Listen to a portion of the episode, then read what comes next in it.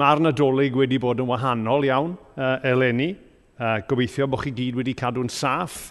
Ac er bod y nadolig yn wahanol, gobeithio bod chi wedi cael bendith o dreulio amser gyda teulu a ffrindiau fel oeddech chi yn dymuno. Ac wrth gwrs, dros yr wythnosau diwetha, dyn ni wedi bod yn darllen a meddwl am lot o eiriau, lot o broffwydoliaethau oedd yn sôn am y geni. Uh, a ddewidion gan ddiw am yr hyn oedd eisiau gwneud yn y byd. A mae'r cyfan yn dod i'w ben yn nyfodiad Iesu Grist. A mae rhaid ni gofio hynny, mae addewidion diw i gyd yn dod i'w pen yn Iesu Grist. Yn yr ail Thyrat Corinthiaid, adnod i, penod 1, adnod 20, mae Paul yn deud hyn. Fe ydy'r un sy'n dod ar cwbl mae Dyw wedi ei addo yn wir – Dyna pam dyn ni'n dweud amen, sef ie wir, wrth addoli Dyw, o achos y cwbl wnaeth e. A heddiw, dyn ni'n mynd i gychwyn efo y neges yna o'r nadolig bod Iesu Grist wedi dod, ond dyn ni eisiau mynd yn ddyfnach heddiw ac yn bellach i edrych ar un o'r pethau o leia a ddysgodd Iesu Grist ei hun ynglyn â'i ddyfodiadau. A i wneud hynny, dyn ni'n troi at yr efengil yn ôl Ioan, a dwi jyst eisiau darllen uh, Ioan 10, uh, adnodau 7 i 10, uh, i ni wrando ar air diw. Felly dwedodd Iesu eto, credwch chi fi, fi ydy'r giat i'r defaid fynd drwyddi. Lladron yn dwy'n oedd pob un ddaeth o mlaen ni. Wnaeth y defaid ddim gwrando arnyn nhw. Fi ydy'r giat. Bydd y rhai sy'n mynd i mewn trwy fi yn saff. Byddan nhw'n mynd i mewn ac allan ac yn dod o hyd i borfa. Mae'r lleidir yn dod gyda'r bwriad o ddwyn a lladd a dinistrio. Dwi wedi rhoi bywyd i bobl a hwnnw yn fywyd ar ei orau. A heddiw, dyn ni'n mynd i edrych ar y cymal ola yn y darlleniad yna – geiriau Iesu, dwi wedi dod i roi bywyd i bobl a hwnnw yn fywyd ar ei orau. So mae Iesu, y babi yma, dyn ni wedi bod yn canu a cofio amdano fe yn yr wythnosau diwetha, wedi tyfu fyny nawr ac mae'n siarad ac mae'n deud bod yn ystyr llawnach a dyfnach i'r geni hynny. Mae'r Beibl ac yn benodol uh, bywyd Iesu Grist i hun yn ateb y cwestiwn pam. Wel, pam daeth e? Be oedd pwrpas dyfnach dyfodiad Iesu Grist? A mae'r Beibl mewn gwirionedd yn llawn o atebion i'r cwestiwn hynny. A rhan o'r cyffro o fyw yn dilyn Iesu Grist, o fod yn un o'i e ydy dysgu a darganfod ac ail ddarganfod yr atebion i hynny, a wedyn ni'n cael y fraint o fyw yng ngoleini'r atebion yna, dyn ni'n effeindio nhw. A mae'r adnod yna, dyn ni'n edrych arno bore yma, yn rhoi jyst un ateb i'r cwestiwn hynny. Mae Iesu, y babi, wedi tyfu fyny yn deud ei fod e wedi dod i gynnig bywyd, bywyd cyflawn. A dyn ni'n mynd i edrych bore yma ar beth mae hynna yn golygu. Be mae Iesu'n golygu pan mae'n sôn am fywyd ar ei orau neu fywyd yn ei holl gyflawnder. Ac er mwyn gwneud hynny, dyn ni am edrych ar dri phwynt. Pwynt cyntaf. Mae yna obaith yma'n hyn am fywyd sy'n fwy na bywyd y tu hwnt i farwolaeth. Yn ail, dyn ni'n mynd i edrych ar beth ydy y bywyd hynna a be di e ddim. Ac yn ola, dyn ni am edrych ar y ffaith fod Iesu Grist yn cynnig bywyd ar ei orau nawr. Felly, y pwynt cyntaf yna. Mae'n obaith am fywyd sydd yn fwy na bywyd y tu hwnt i marwolaeth. Mae mae, mae gobaith yn beth rhyfedd yn dydy.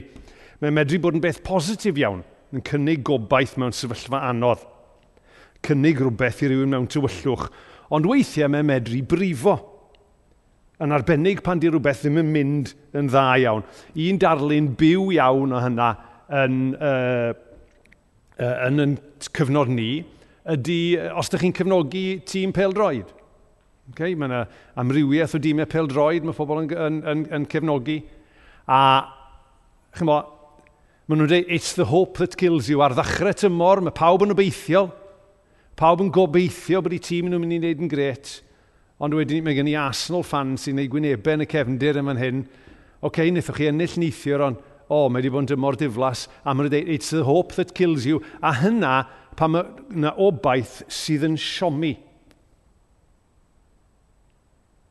Nawr, dyn ni'n sôn lot yn y capel am obaith. A dyn ni'n sôn bore am obaith o fywyd, ond beth yw'r gobaith hynny? Ac ydyn ni'n cael yn siomi yno fe. A un problem yw bod ni'n dieddol o feddwl fod gobaith y Cristion ddim ond ar gyfer rhywbeth fydd yn digwydd ar ôl i ni farw. A mae'n bwynt pwysig, achos, chmod, ni gyd yn mynd i farw ar rhyw bwynt. Ond fe wedodd i ac fe wedodd i esu wrth y lleidir ar y groes, wir i ti, cei di ddod gyda mi i baradwys heddiw. Mae yna obaith y tu hwnt i'r bedd. Mae hynny'n bwysig. Ond mae'r geiriau yma o Iowan 10.10 yn deud bod bywyd yn Iesu yn golygu llawer mwy na hynny. Mae Iesu yn cynnig bywyd i ddod, ond mae hefyd yn cynnig bywyd nawr. Mae'n cynnig bywyd tragwyddol, a mae'r bywyd tragwyddol yna yn dachrau pan dyn ni'n dod i'w nabod e a'i grediau e, a'i ddilyn e. Yn Ioan 17 adnod 3, Mae Iesu hun yn deud y geiriau hyn. Dyma beth ydy bywyd tragwyddol. Iddyn nhw dy nabod di yr unig ddiw sy'n bodoli go iawn a Iesu y Mesoea wyt ti wedi ei anfon. Felly, mae bywyd ar ei orau ar gael i ni nawr. Os ydym ni yn credu'n barod, mi fedrwn ni brofi y bywyd yna ar ei orau nawr. Os dyn ni heb ddod i gredu eto, mae'r bywyd yna yn cael ei gynnig i chi y bore yma, os ydych chi yn troi at ddiw. So dyna'r pwynt cyntaf. Yr ail bwynt yw, be di'r bywyd yna a be di e ddim? Pan dyn ni'n sôn am fywyd ar ei orau, mae yna ddryswch yn codi weithiau. Mae yna gamddeall yn medru codi weithiau o beth yw bwriad Iesu.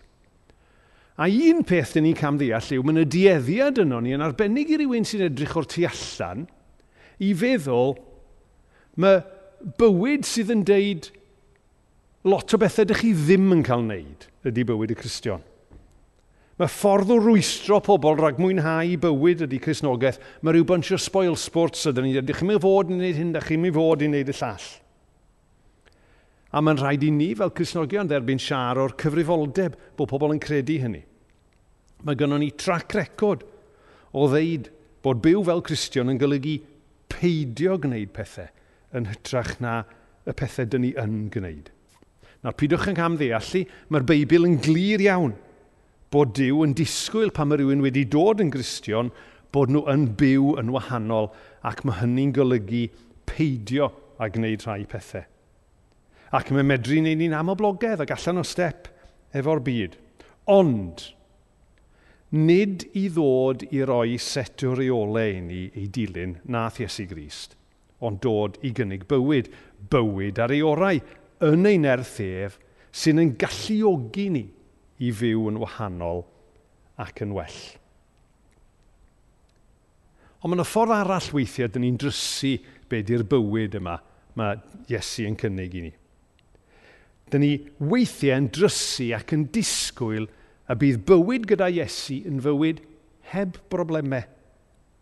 A bod bywyd gyda Iesu, bywyd ar ei orau, bod ni'n ei ddeall e'n yn hermau beth sydd gynno ni, yn harian ni, yn heiddo ni, yn llwyddiant ni. A mae rhai yn dysgu bod dod at ddiw yn golygu bywyd hawdd lle dyn ni'n llwyddo yn faterol. Ond nid dyna beth mae Iesu yn deud. Nid yna be mae'r Beibl yn dangos. Mae'n dangos yn hytrach pobl ddiw, pobl fatha chi a fi, yn gwynebu reality bywyd, ond yn gwneud hynny yng nghwmni diw. Yn gwneud hynny gyda Iesu yn gwmni i ni. Ac os ydrychwn ni ormod ar bethau materol, y pethau dyn ni'n gweld, dyn ni'n gwneud camgymeriad. Grandwch ar beth ddedodd Iesu yn efengil Matthew, penod 6, adnod 20. Casglwch drysorau i chi hunain yn y nefoedd, all gwyfyn a'r hwd ddifetha dim byd yno, a does dim lladron yno i ddwy'n dim byd. Mae unrhyw bethau materol sgynnon ni yn mynd i ddiflannu trwy'n dwylo ni, mae'n fath o tywod. Ydych chi wedi trio dal tywod er enghraifft unrhyw bryd a mae jyst yn rhedeg, rhedeg trw'ch dwylo chi. A tydi'r pethau materol yna ddim yn bodloni go iawn yn y pen draw. Eilunod gwael y llawr ydyn nhw, fel udodd uh, Anne Griffiths. A dyn ni'n cael yn twyllo i feddwl bod nhw'n bethau special iawn. Ond dyn nhw ddim byd mewn gwirionedd. Fe ddwedodd C.S. Lewis, yr awdur enwog, bod ni wedi colli golwg ar pa mor wych a real ydy addewidion diw. Gwrandwch ar y dyfyniad yma gan C.S. Lewis. We are half-hearted creatures fooling about with drink and sex and ambition when infinite joy is offered to us, like an ignorant child who wants to go on making mud pies in a slum because he cannot imagine what is meant by the offer of a holiday at the sea we are far too easily pleased. Mae yna fwy i'w gael. Mae yna fwy i'w gael na be welwn ni. Mae yna fwy i'w gael yn Iesu Grist. Fel didodd Ann Griffiths. Beth sydd i mi mwy a ag eilunod gwael y llawr? Tystio rwyf nad yw ei cwmni i'w gystadlu am Iesu mawr. O am aros, yn ei gariad ddyddiau foes, a dyna di'r bywyd. Dyna di'r bywyd mae'n cynnig i ni, cael aros yn ei gariad ddyddiau fy oes. A mae hwnna dod â ni'r trydydd bwynt. Mae'n cynnig bywyd i ddod, ond mae'n cynnig bywyd ar ei orau nawr. Mae'n golygu bywyd yn ei holl ddawnder. Mae'r gair groi, y gair groi gyda gair uh, perisos. A mae hynny'n cyfieithu digonedd digonedd anghyffredin, rhywbeth sy'n mynd drosben llestri, rhywbeth sydd yn uwch, rhywbeth sydd yn rhagorol. Mae'n ddarlun o fywyd sy'n gorlifo. Bywyd sydd â blas go iawn iddo. A mae blas yn bwysig yn dydi. Dyn ni'n ddiddorol iawn di gweld yn adeg y feirws, mae, mae un o symptomau'r feirws ydy bod pobl yn colli blas. Blas Oedd Lowry yn siarad efo perthynas rai wythnosau yn ôl oedd wedi cael y feirws ac wedi gwella, ond hyd yn oed ar ôl gwella o'r feirws am gyfnod hir, mae wedi bod yn methu cael blas. A hwnnw wedi bod yn ddiflas iawn. Blas ar beth mae Iesu yn cynnig felly. Blas ar fywyd. Nid rhyw fywyd llwm, cil, heb fwynhad a phleser – ond bywyd sydd yn mwynhau ac yn gwerthfarogi rhoddion Dyw. Ond yn bwysicach na gwerthfarogi'r rhoddion, gwerthfarogi'r un sydd yn rhoi y rhoddion hynny. Ac os newn ni hynny, mae Dyw yn addo bywyd na allwn ni ddychmygu hebddo fe. Mae Paul yn y llythyr at y Corinthiad yn dyfynnu y proffwyd Isaiah yn deud y geiriau hyn welodd yr un llygad, chlywodd yr un glist, wnaeth neb ddychmygu beth mae Dyw wedi ei baratoi i'r rhai sy'n ei garu. Felly, dyn ni wedi atgoffa'n hunain heddiw. Mae bywyd tragwyddol sy'n dechrau nawr yw bywyd o adnabod Iesu a'i brofi e yn ein bywyd ni, yn ei ras a'i gariad. A dyna beth yw bywyd y Cristion, cael profi'r bywyd hynny a tyfu yno fe, fel mae ailythu'r pedr yn deud. Dwi am i chi brofi mwy a mwy o ffafr a haelioni ein harglwydd a'n hachubwr Iesu Grist a dod i'w nabod e yn well.